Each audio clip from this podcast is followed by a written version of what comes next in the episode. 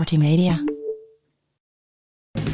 Welkom, dit is Eerste Hulp bij Verslaving en mijn naam is René van Kolm. Ik ben al ruim acht jaar familiecounselor en help en ondersteun familieleden, partners en naasten van verslaafden.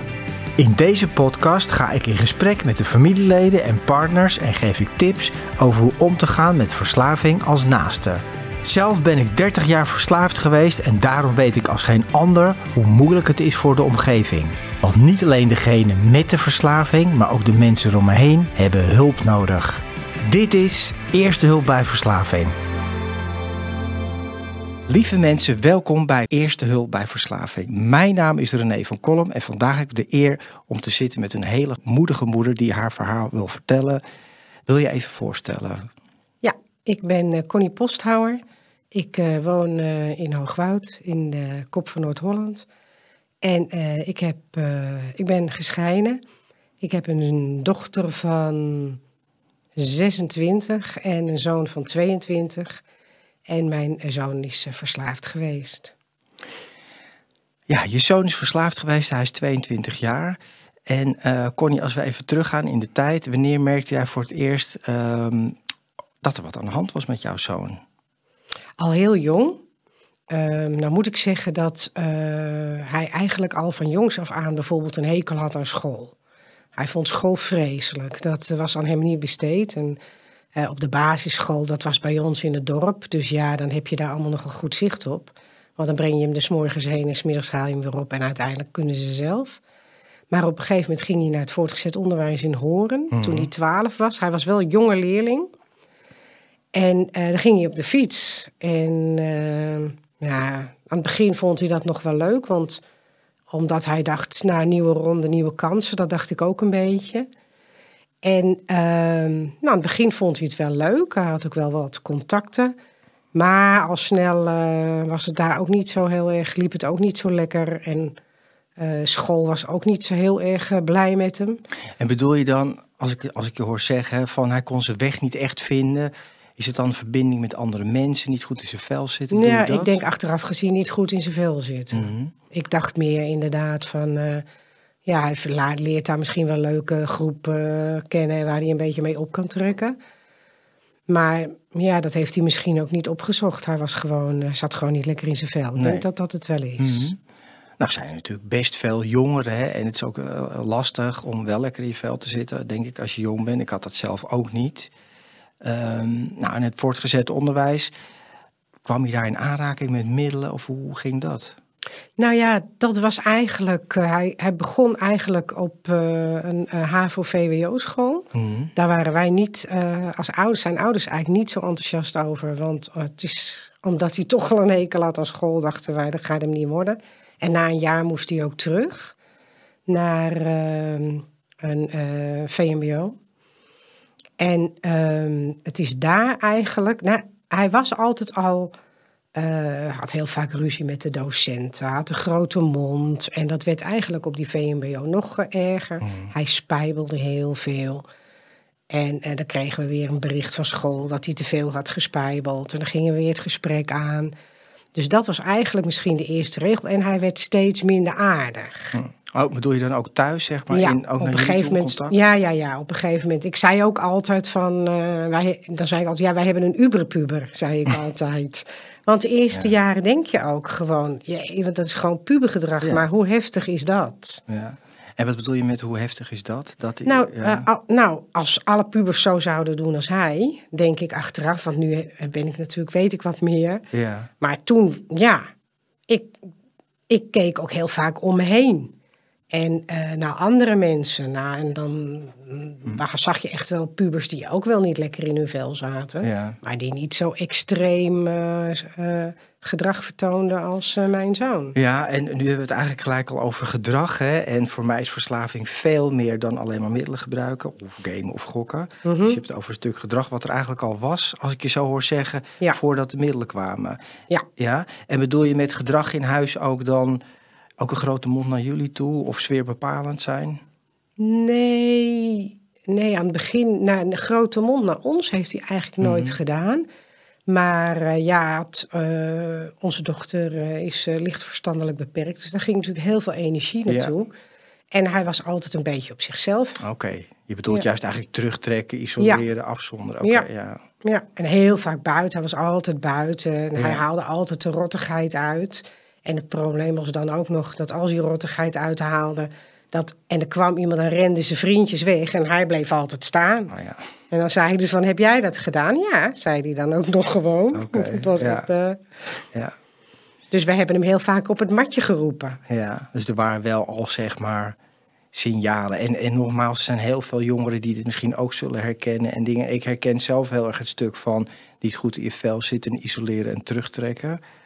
Ehm, en wanneer begon jij dan te merken van hé, hey, maar nu klopt er echt iets niet. Hè? We hebben het over een uberpuber. Nou ja, oké. Maar wanneer begon je te merken van hé, hey, misschien is er meer in het spel? Nou ja, weet je, ehm, dat is denk ik heel erg moeilijk achteraf gezien.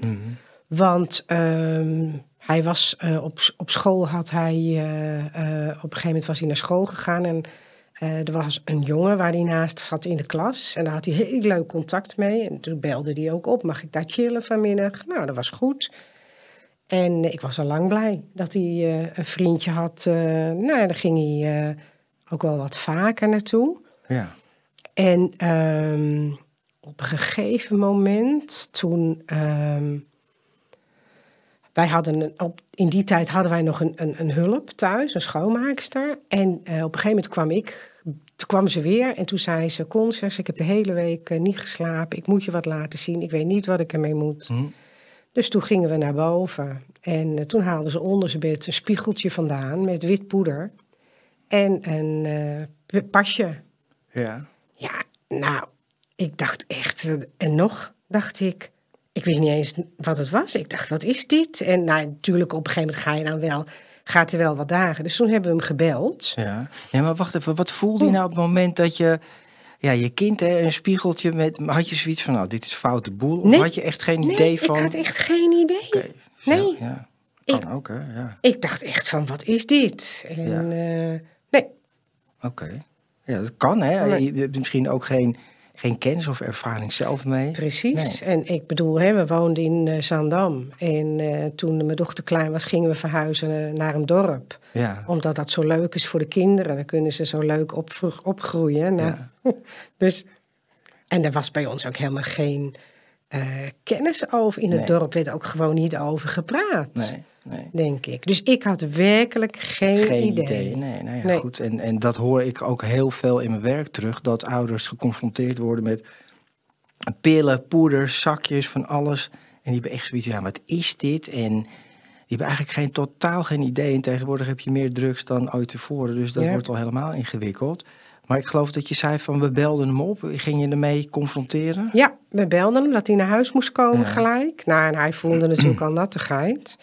Maar dat zijn dingen, kijk, dat vertel ik omdat ik daar later met hem over heb gehad. Op dat moment. Ja. Hij wist al van, oh god. Dus hij had eh, de hele weg eh, van school naar huis eh, om iets te bedenken. Wat moet ik gaan zeggen? Ja, ja, ja, dat ken ik. En ja. ehm, nou ja, toen stond hij voor de deur. Dus, we hadden zoiets, dus wij lieten het zien. ja. En wij hadden echt zoiets van, ja, wat is dit en zo. Nou, en hij moest heel erg lachen. Oh. hij- ja, ja, zet hij om, want eh, om, hij was op school eh, getest eh, op ehm, ADHD. Ja. Omdat hij zich niet kon concentreren. En toen had hij, eh, hij is niet officieel, eh, heeft niet officieel de sticker gehad, om het maar zo te zeggen. Want zij zeiden van, dat komt ook een beetje door de thuissituatie met zijn zus. En toen eh, hadden ze, maar ze hadden wel, om, om op school te helpen, hadden ze Concerta voorgeschreven. ja. En Dat is een ADHD, zodat hij zich beter kon concentreren. Dus hij zei, ja, nee mam, ik had op internet gezocht en die Concerta, die eh, kun je dan helemaal fijn maken. ja, klopt. En opsnuiven. Hij zegt, maar dat deed heel erg zeer. Dus ik was heel erg geschrokken. Nou, dat ga ik echt nooit meer doen. En eh, hij zegt, maar ik heb het nooit opgeruimd. En wat denk je dan als moeder als je zoiets hoort? Ja. Kijk je in zijn mooie bruine ogen en dan denk je, ja. Ja. Goh, wat vervelend dat het zo lastig was voor hem. ja. En je dacht niet van, hoe haalt hij nou in zijn hoofd om dat überhaupt hè, te gaan klein maken, om te gaan opsnijden? Het is gewoon een pil Jawel, tuurlijk wel. Maar ja, ik probeerde, gewoon, ik probeerde het luchtig te houden om, om het een beetje bespreekbaar. Ja. En ik was bang, ja, als ik nu eh, gelijk eh, helemaal over de rooien ga. Ja. Dan, Nou, en ik begrijp ook echt wel wat je zegt, want ja, als je kind dat zegt hè, in zo'n verhaal, goh, mam, ik heb het al een keer geprobeerd. Ja, dan denk je ook van, nou ja, het zal wel. Of, Ja. ja. ja, Ja. ja, Maar goed, dat was eigenlijk het eerste moment dat Ja. je echt merkte van, oké, er is wat. ja. En als we nou een beetje eh, verder het verhaal ingaan, waren er op een gegeven moment meer signalen van, hé, hey, dat klopt toch niet, of hij gebruikt dingen, of hoe werkte Ja, dat? ja, nou ja. Kijk, achteraf gezien, als ik erop terugkijk, dan denk ik wel eens bij mezelf, jeetje, hoe dom kun je zijn? En dat denken vast ook heel veel mensen die mijn verhaal horen. Maar ehm, ja, hij, hij veranderde wel. Weet je, hij was eh, gewoon niet meer leuk. Hij eh, zat altijd boven op zijn kamer te gamen.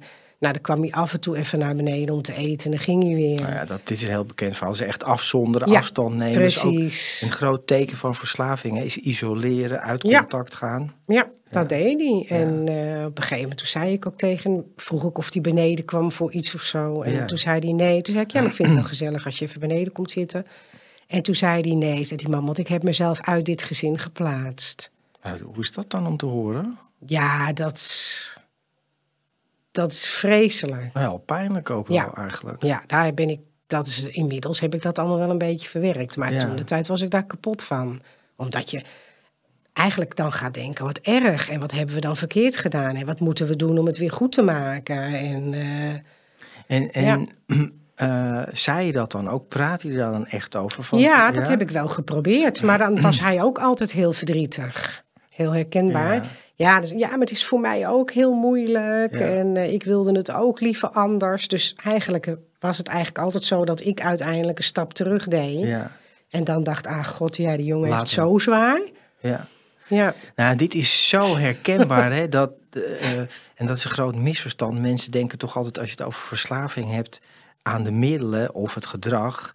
Eh, en met gedrag bedoel ik gok of game of dat soort dingen. Maar eigenlijk gaat het over dit soort dingen. Hè? Dat heel moeilijk kunnen praten, echt je gevoelens tonen, dat, dat isoleren, maar ook met elkaar praten. Ik weet dat ik met mijn moeder, ik kon er ook niet over praten, want ik schoot helemaal vol. Er waren te veel emoties en zij ook altijd. We kwamen nooit echt tot een, was het heel moeilijk, heel pijnlijk. ja. Nou ja, goed. En hij zat dan. eh, maar was hij ook aan het gebruiken? Je zegt gamen, maar waren er meerdere Nou ja, tekenen van. eh, Nou, voor mij niet, Nee. natuurlijk. Totdat er op een gegeven moment een keer hij eh, overdag eh, voor mijn deur stond. Ja. Huilend. en ik dacht, wat is dit? Dus toen zei ik, ja, wat is er nou? ja. Nou ja, toen kwam hij binnen. Nou, toen bleek dat hij ehm, met datzelfde vriendje Ja. thuis, bij, altijd bij hem thuis. ehm, want daar was denk ik geen controle. Hadden ze eh, een LSD-postzegel genomen. Maar ja, hij was altijd, mijn zoon was altijd een beetje extreem. Hè? Dus die jongen had er één, Ja. maar hij had er dan weer twee. Dus hij had een bad trip gehad. En wist jij nou. want- Wist ik ook helemaal, heb geen idee waar het over ging. Nee, maar ik kan me ook voorstellen. Een LSD-postzegel is geen gewone postzegel. Nee. Maar weet jij dan waar je mee te maken Nee, hebt? nee, nee. Alleen maar- omdat hij vertelde dat hij, ja, dat hij stemmen hoorde. En hij zag een, een vriendje van hem die heel raar tegen hem praatte. En, eh, En wat deed dat met jou dan, Connie? Als je zo'n verhaal hoort van je zoon. ja, ja dat is... Ik wist eigenlijk nog steeds niet. Nou, want ook daar hè, zei hij van ja, nee, maar het was de eerste keer. En eh, nou, ik ben zo geschrokken, dat ga ik nooit meer doen. Dat hadden we al een keer dan, eerder gehoord. Dan ben je als moeder zijnde alleen maar blij dat je denkt, oh, dat is wel heel fijn. Hè? Dat, hij er zo, dat is eigenlijk wel goed. Dat hij er zo van geschrokken is dat hij het niet meer gaat doen. ja. Ja, dus toen nog... Nog steeds dacht je van. eh nou goed, dit was dan in jouw beleving. Het was waarschijnlijk niet de realiteit, maar de tweede keer dat hij wat gebruikte. Ja, Ja. Ja.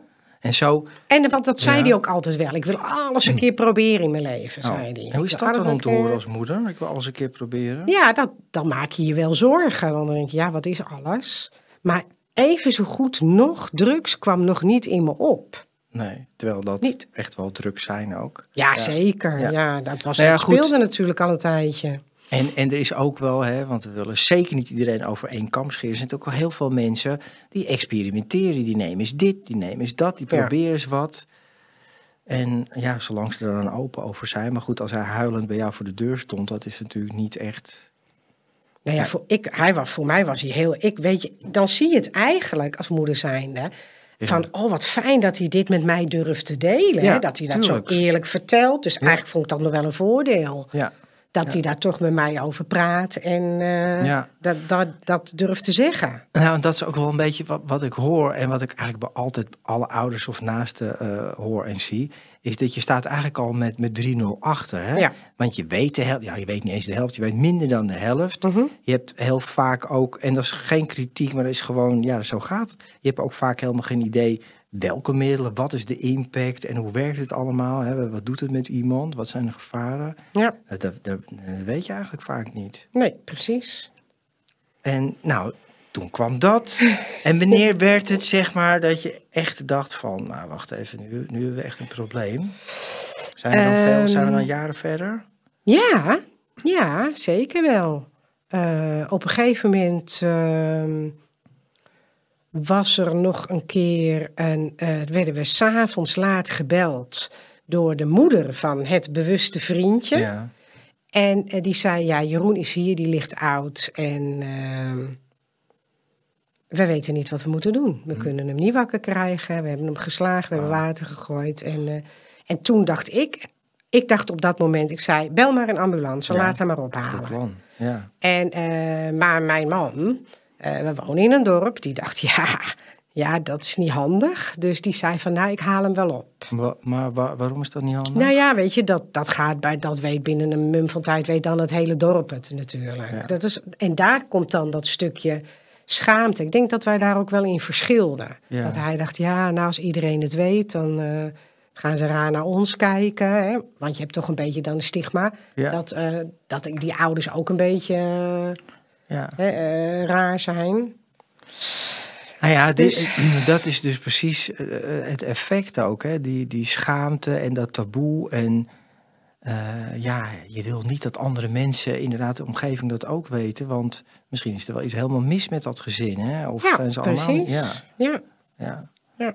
Maar goed, en wat gebeurde met jouw zoon? Want hij lag oud. Oud, dus toen is mijn eh, man is hem op gaan halen. Nou, toen kwam hij thuis met hem. Nou, hij was inderdaad helemaal, eh, helemaal eh, van de wereld was hij. Ja. En nou, op een gegeven moment hebben we naast ons bed hebben we een opblaasbedje neergezet. En daar hebben we hem opgelegd.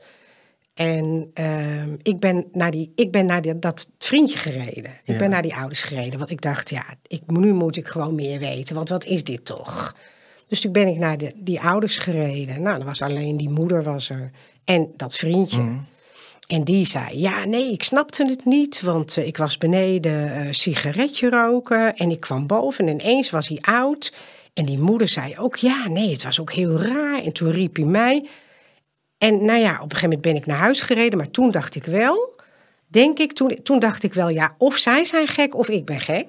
Maar er klopt iets niet. Nee, ook niet in het verhaal. Nee. Ik dacht, dit is zo raar. Maar en nog even terug, hè, Connie. Wat voel je als moeder als je kind daar op, op de grond ligt... en die is gewoon helemaal niet aanspreekbaar? Wat, Ja, wat, is dan is- de impact daarvan, zo'n gebeurtenis op jou? Nou ja, dan, dan ben je eigenlijk alleen maar. Ik bedoel, we, we hebben ernaast geslapen en elk uur gevoeld of zijn hart nog klopte en of hij nog ademde. En dan duurt de nacht heel lang. Dan ben je echt, want je bent doodsbang om hem te verliezen. Ja, precies. Ja. Ja, dat was een hele, hele lange nacht. Ja. Ja, En, en je zei ook van, hè, dat was het moment van... Nou, of zij zijn gek, of ik ben gek. Of alle twee. En eigenlijk is het niet... ja, maar ik bedoel dat helemaal niet eigenlijk om lachelijk te maken... maar eigenlijk een gebrek aan een soort van bewustzijn van... wat is er nou eigenlijk Nou, aan de hand? Waar hebben we nou mee te maken? precies. Dat is het denk ik. Het ontstijgt gewoon op elke manier eh, eh, wat je in het leven, je verwachtingen of je verbeeldingen Ja. die je hebt. Ja. Ja. want iedereen denkt natuurlijk van... ja, maar dat gebeurt niet bij mij thuis. Nee, Hè, precies. Mijn kind is niet zo. Hè, Dat doet mij. Mijn moeder zei nog na jaren van gebruik... ik moet er altijd een beetje om lachen, maar het is niet om te lachen. Nee, dat doet Renéetje niet, dat soort dingen. Dan had ik het ook over liegen en stelen en nou, de boel bedriegen. Maar dat deed Renéetje dus wel. Ja. Hè, dus zij wou toch nog steeds iets anders zien dan er gewoon was. Ja, Dus dat blijft heel lastig. dat was voor mij ook zo. Hè? Ja. Ik zag alleen maar eh, een, kind eh, wat het heel moeilijk had. Ja. En zich echt een weg moest vechten door het leven. En als moeder zijnde wil je dan alles doen. eh, Ja, om hem beter in zijn vel te laten Ja. zitten. En is hij vanaf, want dat klinkt ook een beetje. Er zullen nog wel meer moeilijke momenten zijn geweest, denk ik. Maar was dat het moment ook dat hij begon toe te geven of te praten van hé, ik heb een probleem? Nee, Nee? nee, Nog steeds niet. nee. Toen was er weer, eh, ja, nee, dit wilde ze, het was GHB trouwens, Oh, ja. achteraf gezien. Ja. nee, dat wilden ze gewoon een keer proberen, dat leek ze leuk. Ja, en hij was hier zo van geschrokken. Nou, ik ga het Dat nooit ging- meer doen. Dat ging hij nooit meer doen. Ja. Ja. Ja. hoe dom kun je... Dat denk ik nu vaker. Dat denk ik, jeetje, hoe dom kun je als moeder zijn? Nou, maar weet je, het is niet dom, eh, Connie. Het is gewoon, nogmaals, je wil het ook graag geloven. Ja. En ik begrijp dat ook. En, en, en, en misschien dacht hij het zelf ook wel, hè? Want ik hoor het ook wel eens bij mensen die gebruiken van... Nou, eh, ik bedoel, je hoort het toch mensen zeggen, zeg maar, die veel drinken. Ik ben zo'n koppijn gehad, ik heb zo'n kater. Nou, nooit meer. Nou, en Ja. twee weken daarna gebeurt het weer. Dus dit is ook iets heel menselijks, hè? Ja. Dus misschien Mhm. dacht hij zelf ook wel van... Nou, dit is heel slecht en ik ga het nooit meer doen. Nou, en vervolgens kwam er nog veel Dat meer. klopt. Die Ja. GHB heeft hij ook nooit meer gedaan. Nee. Maar ondertussen speelden er Anders. natuurlijk al heel veel andere dingen. Hij was dus wel echt aan het gebruiken. Ja, hij was al dik aan het gebruiken. Al- Als we nou teruggaan in de tijd, wat niet kan, maar hypothetisch. Eh, wat zou jij nu doen bij zo'nzelfde soort situatie? hè? Dus je kind of je ziet het bij iemand anders gebeuren. Wat zou je dan tegen diegene zeggen? Eh, informatie gaan opzoeken. Zoeken. Over? Nou, over wat er aan de hand kan zijn. Of, er- of je vermoedens hebt wat er speelt. Ja. Eh, ja, gaan kijken of mensen dit herkennen. Of eh, ja, Ja. Gewoon- En, en als er nou iemand zegt van... eh, nou, laten we maar niet die ambulance bellen, want straks weet de hele buurt het. ja, dat wat had ik natuurlijk sowieso. eh, ik had sowieso de ambulance al gebeld. Ja, dat moet je. Wel doen. Ja, denk het wel. Ja, Ja, ja, ik denk Want het dan ook. hadden, Ja. in het ziekenhuis hadden ze in ieder geval gekeken hoe of wat. Dan hadden ze waarschijnlijk ook wel weer naar huis. Want als ze eenmaal bijkomen, mogen ze weer weg, weet ik inmiddels. Maar dan hadden we waarschijnlijk wel geweten wat speelde. Ja, nou ja, en eh, mensen overlijden ook aan soms eh, te veel middelen. Je weet nooit, het kan heel lang goed gaan. en Je kan soms jaren allerlei dingen doen die niet goed voor je zijn en daaruit komen. Maar de- je weet nooit hoe dat werkt, hoe het valt bij iemand, wat, wat de impact is. Ja, nou ja, dat hebben we natuurlijk ook wel meegemaakt. Ja. Is er nou een punt gekomen waarin jouw zoon echt toegaf van... mam, ik heb een probleem? Nee, Nee? Nee, want ook dit eh, was weer eh, totdat. De, de, op een gegeven moment was ik een, met mijn vriendin een dagje winkelen in Zandam. En toen werd ik gebeld Hmm. door de politie. Dus ik zei, nou, op een anoniem nummer. Nou, u spreekt met de politie horen. Eh, bent u de moeder van? Ja. Ik zei, ja, ja, dat klopt. Nou, we hebben uw zoon opgepakt. Hmm. En die zit hier in het verhoor. Ik zei, ja, wat is er dan? Nou ja, zegt hij, hij zegt, illegaal vuurwerk. Nou ja, ja. dat is natuurlijk. Ga ik ook niet goed praten, maar dacht ik, ja, dat hoort ook wel een beetje bij die leeftijd. En dat deden heel veel jongens daar, waren bezig. Hij zegt, maar hij had eh, in zijn broekzak ook eh, drie zakjes speed. ja. Ik, en ik dacht, speed, speed, hij heeft in zijn speed. Ja, zegt hij, dat zijn drugs. Hij zegt, dus toen hebben we hem meegenomen. En ehm, toen zei hij, dus ik zei, oh ja, maar en, en nu dan? En eh, nou, toen zei hij van, eh, ja, u mag hem vanavond om negen uur komen halen. We mogen hem zes uur vasthouden. ja. Mag u hem om negen uur komen halen? En toen zei ik, nou weet u wat, ik kom hem morgenochtend wel halen. Ik dacht, laat hem maar een nachtje zitten. Dat is misschien wel, wel goed voor hem. Maar toen zei die man, die zei nee, zegt hij. Hij zegt dat mag niet, want hij is minderjarig. Mhm. Dus eh, we zetten hem om negen uur gewoon buiten, of u er nu bent of niet. Ja. Want dan mogen we hem niet meer vasthouden. Dus nou ja, wij hebben hem natuurlijk netjes opgehaald om negen uur. Maar dat was eigenlijk... ehm, Weer zo'n moment eigenlijk. ja, maar toen heeft hij wel eh, toegegeven natuurlijk. Ja, toen kon hij niet zo heel veel anders Nee. meer. Dat, eh, dat hij gebruikte. Ja. En wat dacht je toen? Ja, nou ja, voor mij viel natuurlijk wel heel veel op zijn plek. Mhm. Want ik dacht, oh, wacht eventjes, dat is, eh, dat speelde er. En ehm, ook geschrokken. ges- en, en dan zo van, jeetje, maar hoe lang is dat al? En wat heb ik dan als moeder gemist? Ja. Nou ja, dat is iets wat me hele, over die hele periode terugkomt, hè. Dat ik bij mezelf denk, ja, wat heb ik dan niet gezien? Wat heb ik fout gedaan? Waarom heb ik niet beter opgelet? Hoe kan dit nou? Dus je ging het ook echt En, bij eh, jezelf zoeken. ja. dus, eh, de schuld bij jezelf zoeken, ja. Zeker heb ik Ja. bij mezelf gezorgd. Want minderjarig, dan was hij 16, 17? 15. 15 zelfs, nou oké, nog eronder. Maar het, het is natuurlijk wel toch wel heftig. Je hebt een aantal dingen zo achter elkaar. Dus dan zegt hij nou gebruikt.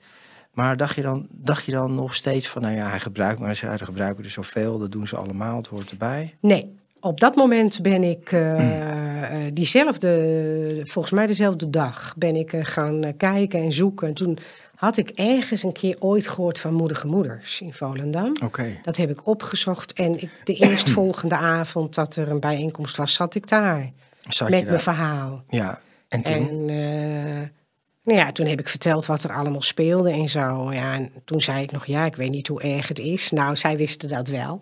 Ja, Dus toen hebben ze me wel bijgepraat. Zo van, ja, dit is echt, Ja. eh, maar ik, ik zie echt nog, wel een probleem. Ja, maar ik zie nog, en dat bedoel ik niet, niet onaardig, maar je, je lacht daar nog eigenlijk bij. Van, nou ja, zij wisten wel hoe laat het was, Ja. weet je wel. Maar ben je niet ergens kapot geschrokken van de realisatie... mijn zoon heeft echt een verslaving en dat is een levensgroot probleem. Nee, ik had eigenlijk meer met hem te doen. Toen dacht ik, oh god, hij heeft het dus zo moeilijk gehad altijd bij ons. Met zijn zus en met ons. En eh, dat hij daarom eh, is gaan gebruiken. Ja. En eh, ik heb het wel met hem besproken. En hij gaf toen ook toe van ja, ik denk wel dat ik verslaafd ben. En ehm, toen ben ik pas echt verder gaan kijken. Hebben we de breider ingeschakeld? Ja. En toen zijn we wel stappen gaan ondernemen om te kijken hoe wat. En dat wilde hij dan ook wel voor ons. Mhm. Hij wilde voor ons wel eh, iets gaan doen bij de breider. Ja. Voor jullie, maar niet voor zichzelf. Nee, niet voor nee, zichzelf natuurlijk nog. Nee, nee, nee, nee, nee, Nee, dat deed hij echt voor ons. Ja. En eh, nou ja, er zijn natuurlijk nog heel veel events die er dan gebeuren. En als je, is er een soort dieptepunt waarin jij zei van... Hè, want als ik, als ik je hoor, denk ik van nou, er gebeuren dingen. Je schrikt, je ziet dit, je ziet dat. Maar is er een punt waar jij echt gedacht hebt van... nou, ik, zo kan ik niet verder en ik ga hier zelf... krijg ik hier heel veel last van. Of mijn gezin, je man, jij. Nou ja, toen die op een gegeven moment natuurlijk... eh, kijk, toen, ik eenmaal, toen we eenmaal wisten wat er was... Ja. was het voor hem ook niet meer zo heel erg nodig om, hem, om het geheim te houden. Hè? Of om het achteraf Ja. Om het stiekem te doen. Dus hij heeft natuurlijk nooit in huis, voor zover ik wist, eh, iets gedaan. Voor zover ik wist. Ik heb wel heel vaak bijvoorbeeld in zijn kamer gezocht. Maar hij ging. ehm, het, het werd steeds erger. Hij was bijvoorbeeld s'nachts gewoon weg. Ja. Dan was hij weggegaan. En eh één keer kwamen we op zolder op zijn kamer. Toen stond het zolderraam open en zijn bed was leeg. En En wat voel je dan op zo'n nou, moment? toen, ik denk, toen, werden we, toen waren we echt, ja, toen waren we echt helemaal in paniek. Ook omdat hij wat depressiever was. Ja. En eh, toen is mijn man is nog naar het station, dichtstbijzijnde station gereden. En ik ben al zijn vriendjes gaan bellen. Is hij bij jullie? Is hij bij jullie? En ook van hoe kan die nou weg zijn gegaan? Want wij hebben niks gehoord. We hebben hem niet over Ja. de trap af horen lopen. Nou, dat klopt, want hij was namelijk uit het raam geklommen. En eh, zat, dat heb ik achteraf gehoord, zat Ja. boven op het dak en heeft een vriendje gebeld omdat hij er geen kant op kon. En die heeft hem er met een ladder afgehaald. Dat hoor je allemaal achteraf. ja. Echt dat je denkt, mijn god, wat... eh, maar, goed, Maar, toen... eh. En waar was je nou bang voor echt als je hem gaat zoeken hè, langs de trein? En waar ben je dan bang voor? Nou ja, dat hij, dat het in de, dat ik hem, dat hij niet meer leefde. Ja. En ho- hoe gek je dan... Want mijn man kwam terug. Ja. En toen zei ik, ben je er? Ja, zegt hij. Zegt maar één eh, voordeel. Hij zegt, eh, er zijn werkzaamheden, dus er rijden op dit moment geen treinen tussen Horen en Alkmaar. Dan ga je daar nog eigenlijk een beetje Ja. een morbide grapje over maken. Ja. In je paniek van, eh, oh gelukkig. Nee, en ook wel een soort van rationaliseren. Hè? Je, Ah. dit is- als ik jou zo hoor, denk je...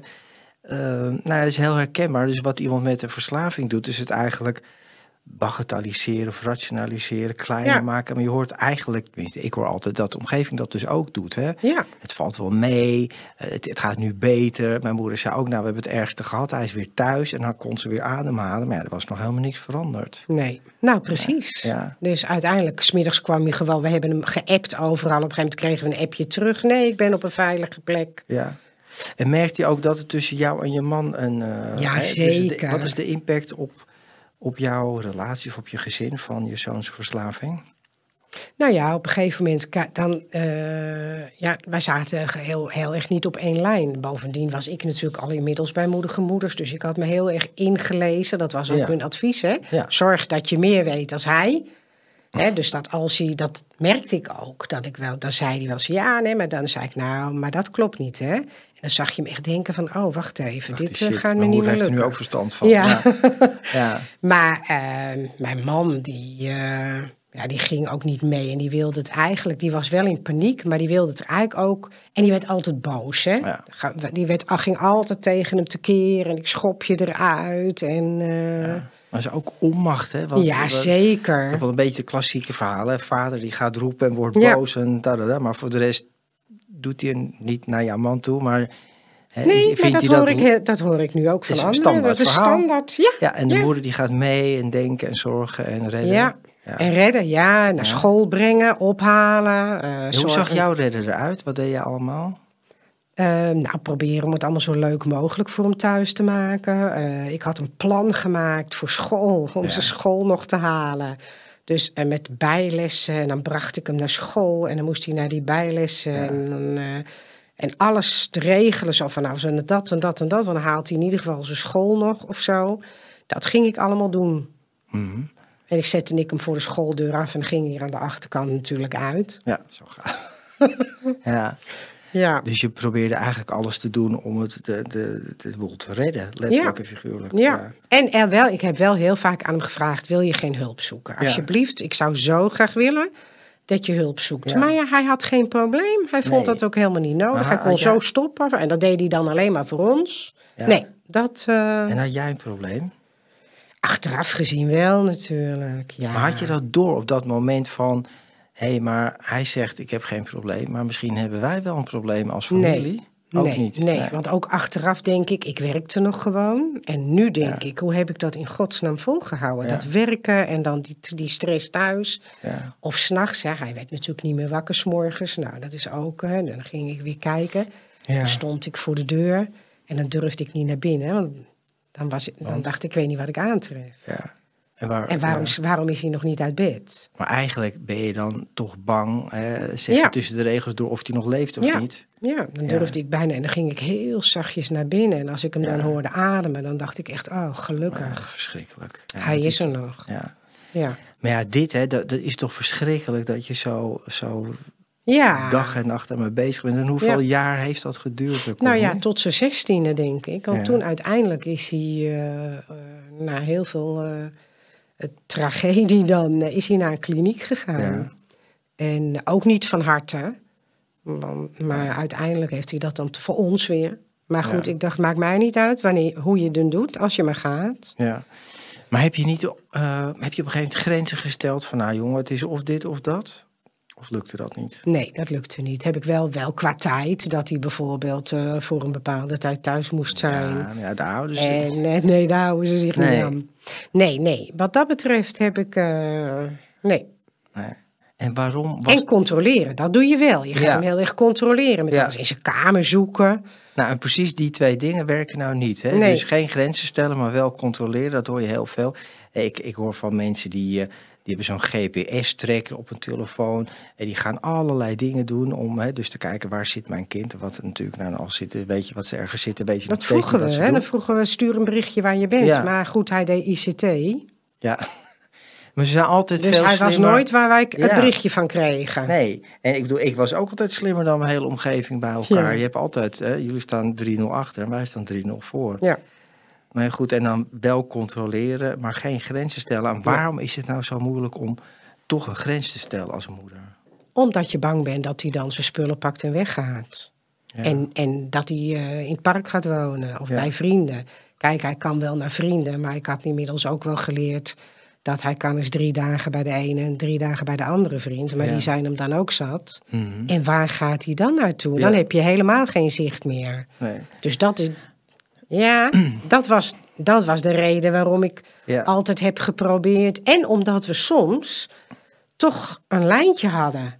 Er waren gewoon momenten, en dat was ook bijvoorbeeld op het Ja, moment dat ik dan echt voelde, Ja. ik heb nu contact met hem, Ja. dat ik zei van, joh, wil je echt niet na gaan denken over een kliniek, want wij weten het allemaal niet meer. We weten het gewoon niet En dat meer. klinkt hartstikke lief, hè, maar ook heel vrijblijvend. Wil je gaan nadenken. En als je daar nou op terugkijkt nu, hè, zou je zeggen van... nou, ik had veel directer moeten... Tuurlijk. Ja, ja. Ja, ja, goed, Maar is als ik heel eerlijk ben, als ik terugkijk, vraag ik me ook af of ik het toen wel...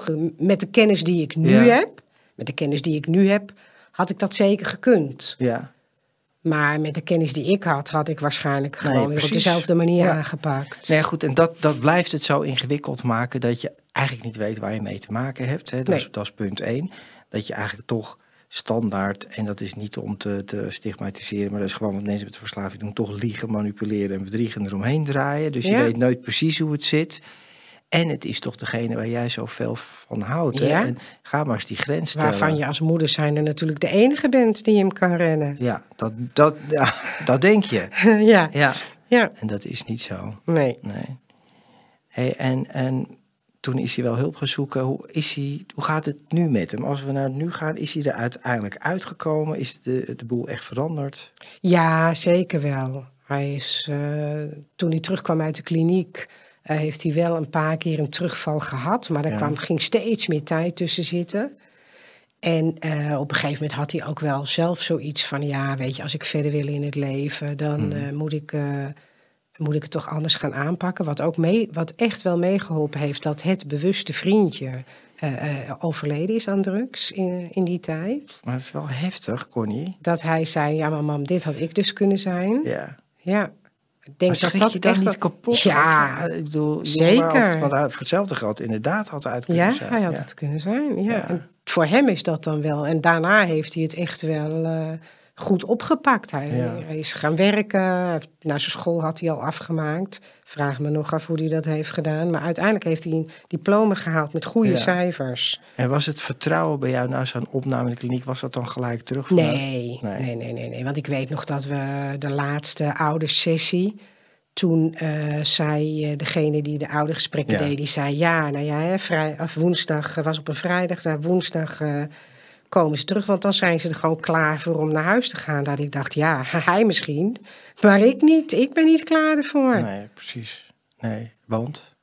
nou ja, voelde je? ja, dan dacht ik, ja, hij komt daar terug. En dan? En, Ja. en hoe ga ik het? Hè? Ga ik het dan wel beter doen? Want je twijfelt enorm aan jezelf. Ja, Ga ik het dan wel goed oppakken? Weet ik dan wel hoe ik ermee om moet gaan? ja.